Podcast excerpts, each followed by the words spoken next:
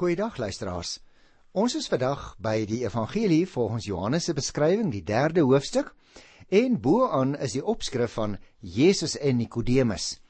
Nou voordat ons so 'n bietjie in die diepte van die verhaal wat hier afspeel en beskryf word uh, indaal, wil ek net so ietsie vir jou van Nikodemus vertel want hy is 'n baie interessante man.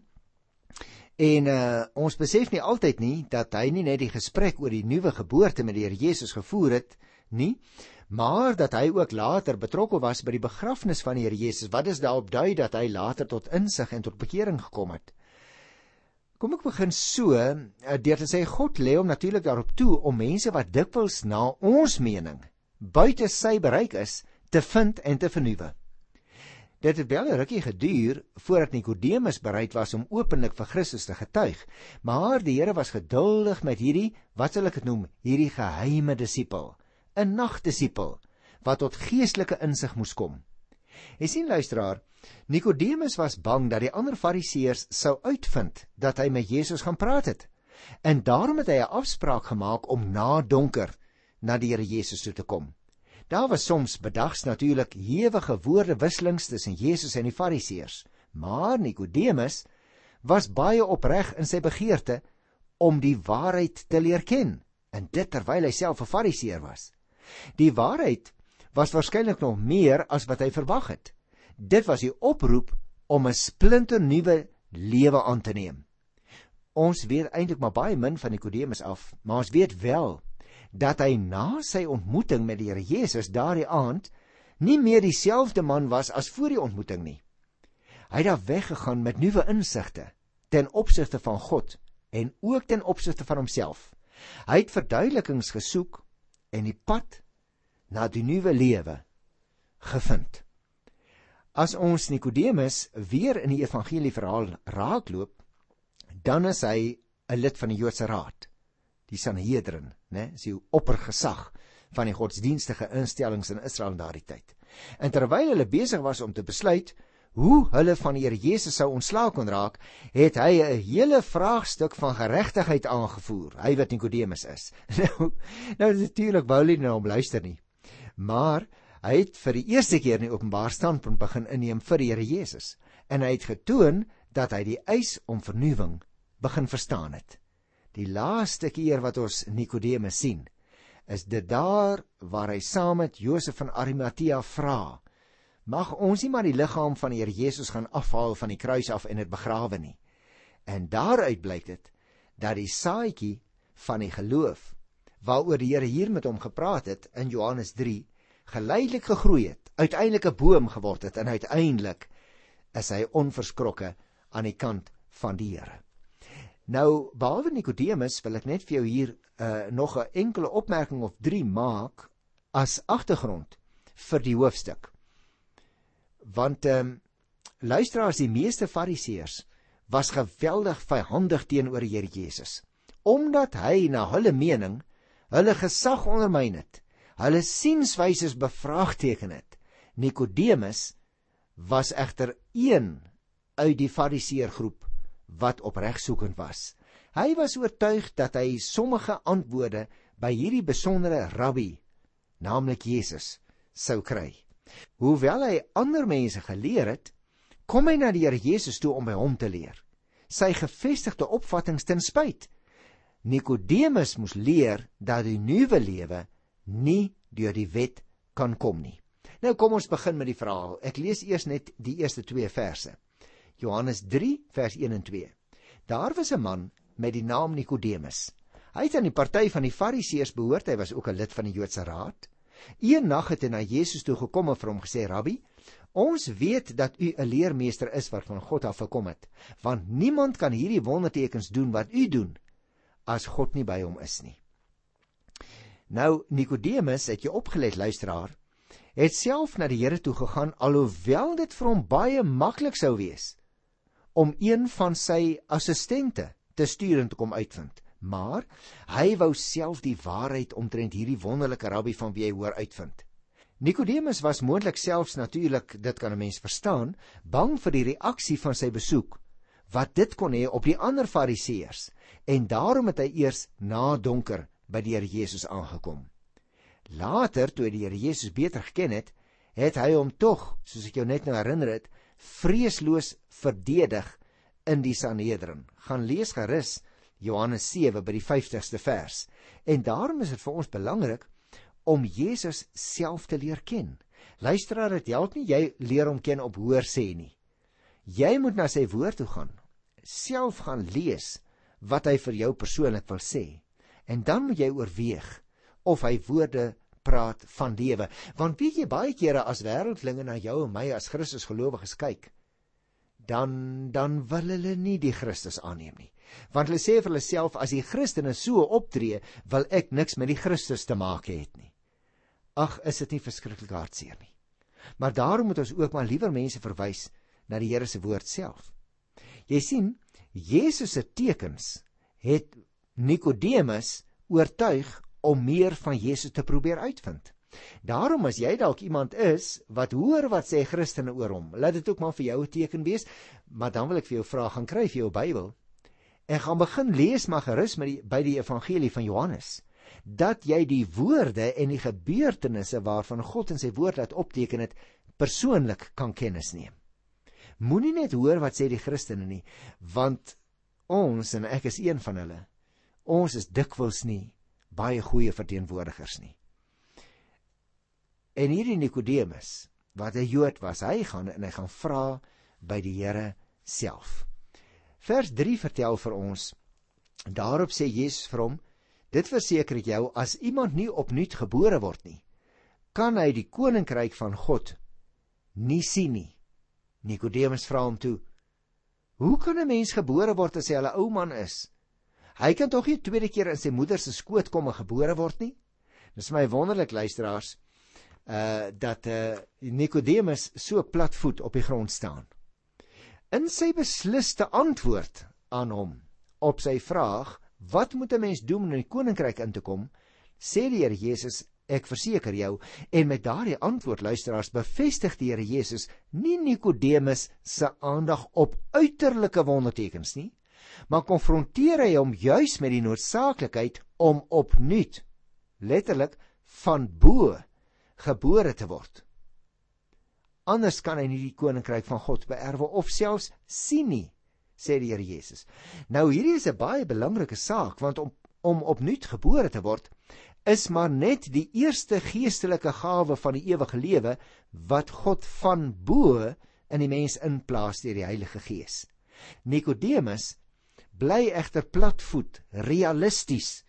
Né? Nee, hy staan met sy voete vierkant op die grond, sal jy en ek wou sê.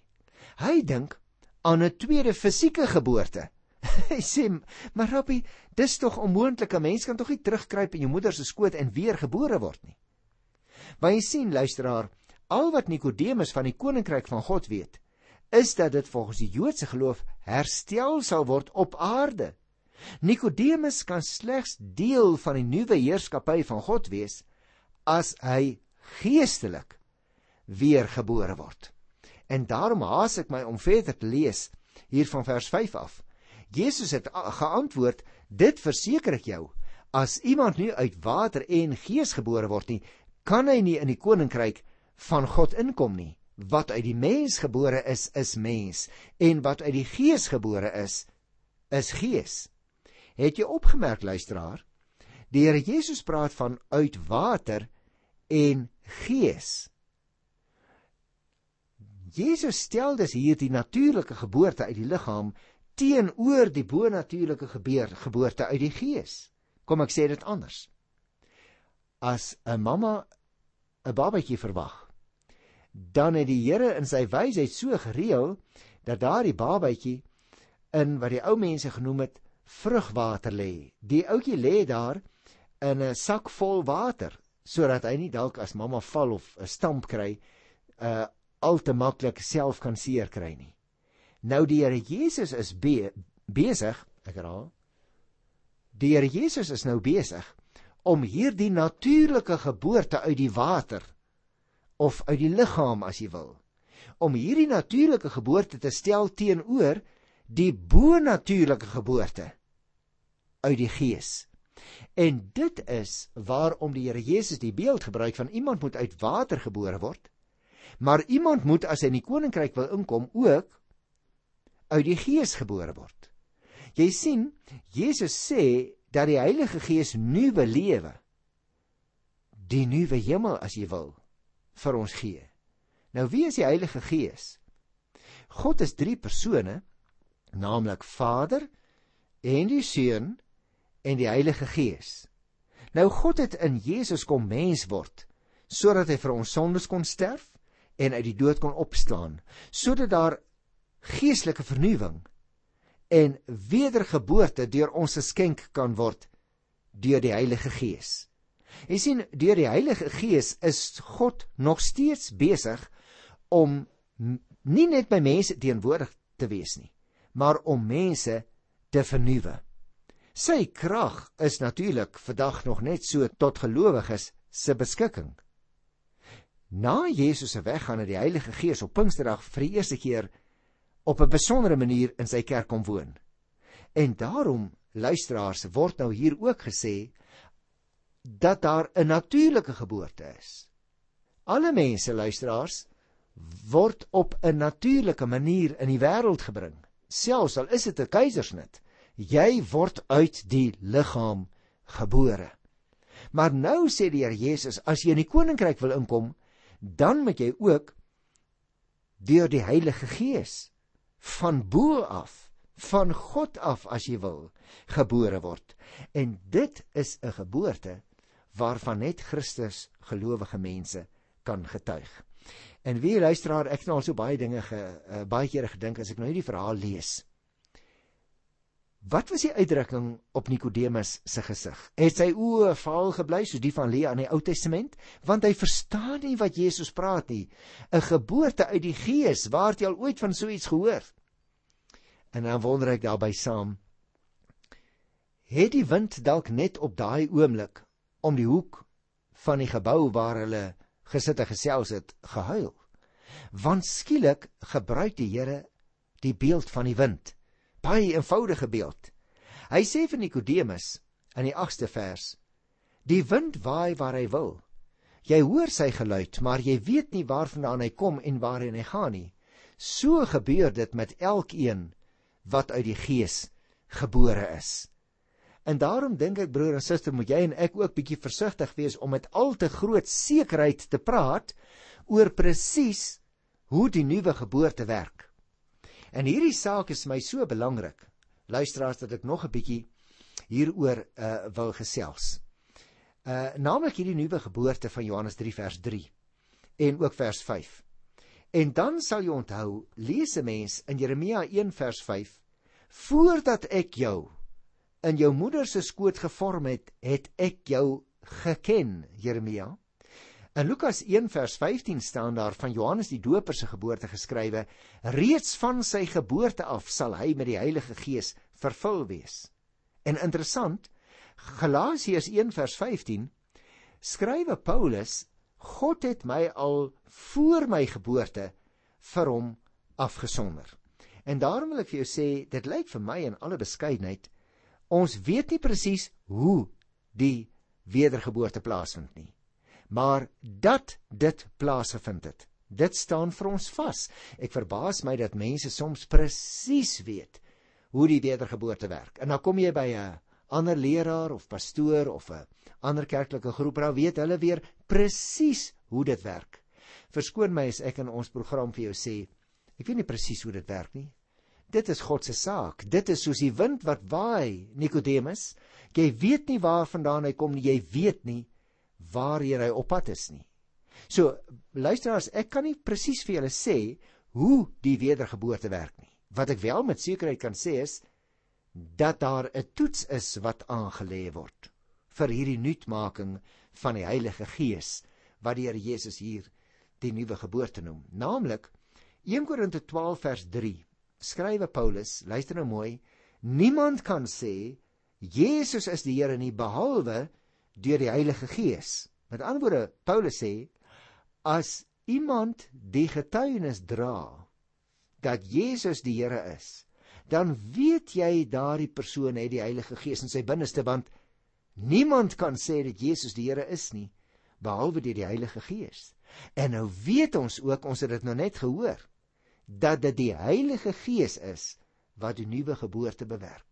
As iemand dus die getuienis dra dat Jesus die Here van sy lewe is, dan is daardie getuienis die bewys volgens Paulus dat hy nuut gebore is, dat hy ook die gees van God in sy binneste het.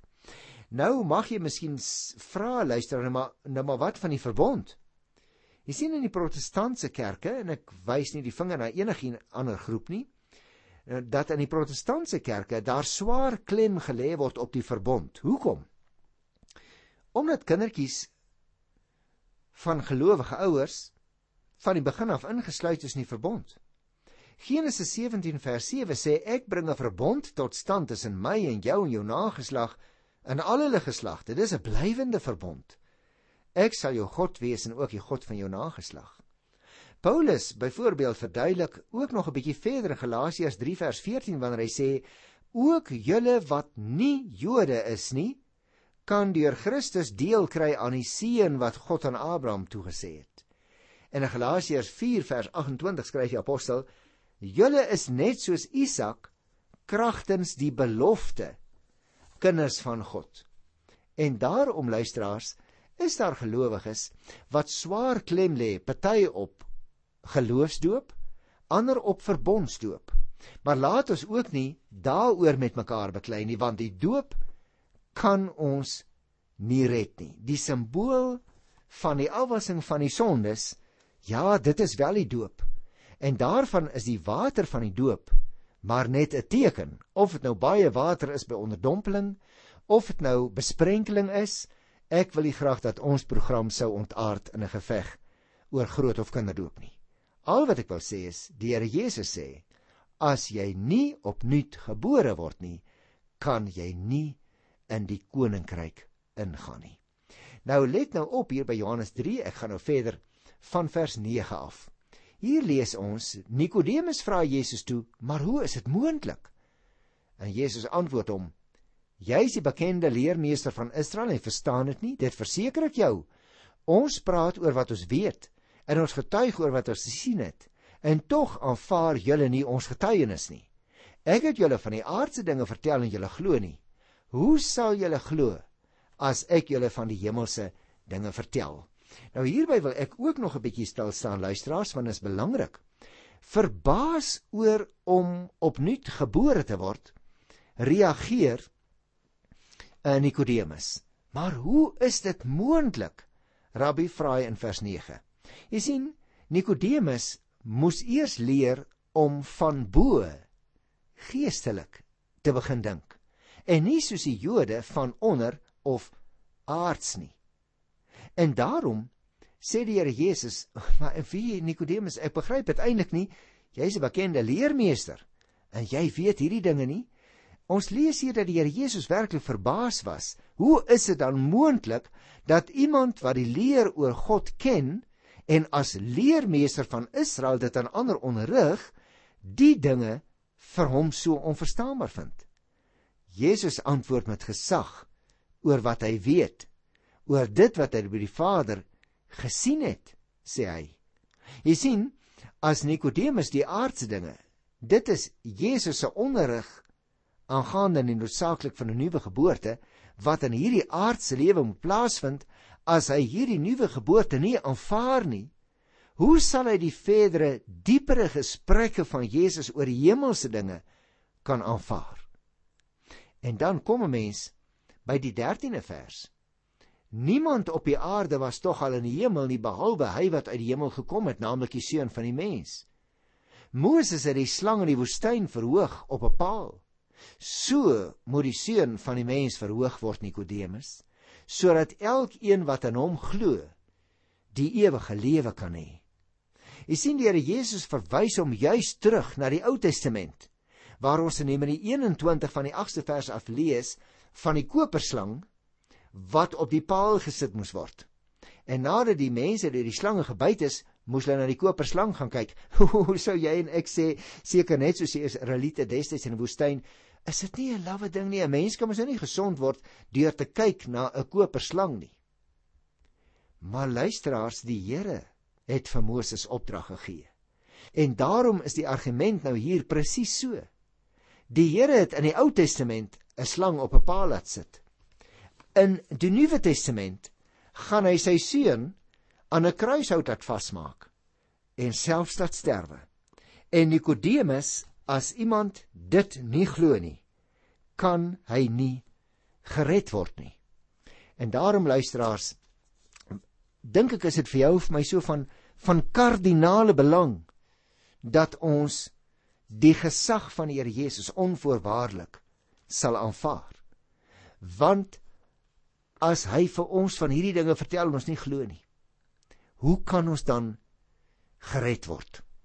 Ek wil graag afsluit net deur enkele slotopmerkingies want ek wil volgende keer by vers 16 kom.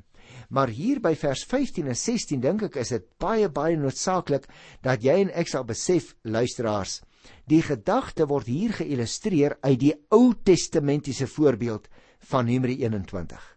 En nou verduidelik die Here Jesus hierdie gawe van die ewige lewe op grond van sy eie dood. Die fundering van die gawe van die ewige lewe is daarin geleë dat God die mensheid so liefhet. Jy sien luisteraar, daar is nie 'n ander manier waarop ons gered kan word nie. Hy het ons so lief dat hy sy seun na die wêreld gestuur het en die seun van God moet uiteindelik omsterf aan 'n kruishout op Golgotha. Daarom kan ek baie goed verstaan dat die Here Jesus 'n beeld gebruik, naamlik die uit Numeri 21, nê, van die giftige slang in die woestyn. Want Nikodemus as skrifgeleerde en as Godgeleerde van daardie tyd, het dit waarskynlik baie goed geken. En nou is die punt wat die Here Jesus wil maak dat so, kyk weer na vers 14b, so moet die seun van die mens verhoog word. Die seun van die mens moet met ander woorde net soos die koperslang in die woestyn destyds, so moet die seun van die mens aan 'n kruishout hang. Hoekom? Luister na vers 15. Sodat elkeen wat in hom glo, die ewige lewe kan hê. Nou, net soos vir die mense destyds in die woestyn luisteraars, was dit heel waarskynlik vir die mense van die Here Jesus se eie tyd 'n belaglike gedagte. Maar onthou Johannes het al reeds met sy evangelie begin en hy het dit duidelik gesê in Johannes 1, sal jy onthou by die 12de vers, aan elkeen wat hom aangeneem het, het hy die reg gegee om 'n kind van God te word. Daarom begin Johannes sy evangelie in die eerste hoofstuk om te sê nie alle mense word gered nie. En net so word dit ook hier in vers 15 duidelik beklemtoon sodat elkeen wat in hom glo die ewige lewe kan hê. Daar's nie twyfel in Johannes die evangelis se gemoed nie. Daar moet ook nie twyfel in jou en in my gemoed wees nie luisteraars 'n mens kan nie op 'n ander manier gered word nie. En hiervan was Johannes so oortuig dat hy dit op verskillende maniere herhaaldelik in sy evangelie na vore laat kom het. Daarom teken hy en is hy ook die enigste wat in Johannes 14 vers 6 vir ons daardie gevleelde woorde van die Here Jesus aangeteken het en ek is baie bly daaroor. Ek sê vir jou Thomas, as iemand by die Vader wil uitkom, is dit deur my. Hy formuleer dit baie duidelik deur die beeld van 'n pad te gebruik. Thomas, ek is die weg en die waarheid en die lewe. Niemand kom na die Vader nie behalwe deur my. En daarom wil ek op hierdie hoogtepunt en hierdie uitnodiging vandag afsluit vir jou wat die evangelie ken. Hoe miskien vir jou wat dit al baie gehoor het, maar dit nog nooit aanvaar het nie. Maar as daar iemand is wat op ons program die Bybel vir vandag ingeskakel het, en nie die Here Jesus ken nie, dan wil ek ook graag vir jou baie duidelik sê en vir jou uitnooi. Luister na Johannes 3 vers 15 sodat elkeen wat in hom glo die ewige lewe sal hê. Luisteraar, daar is geen ander manier nie. Ek nooi jou uit in die naam van die koning, kom na hom toe sodat jy die ewige lewe kan hê. Tot volgende keer groet ek jou in sy wonderlike naam. Tot dan. Totsiens.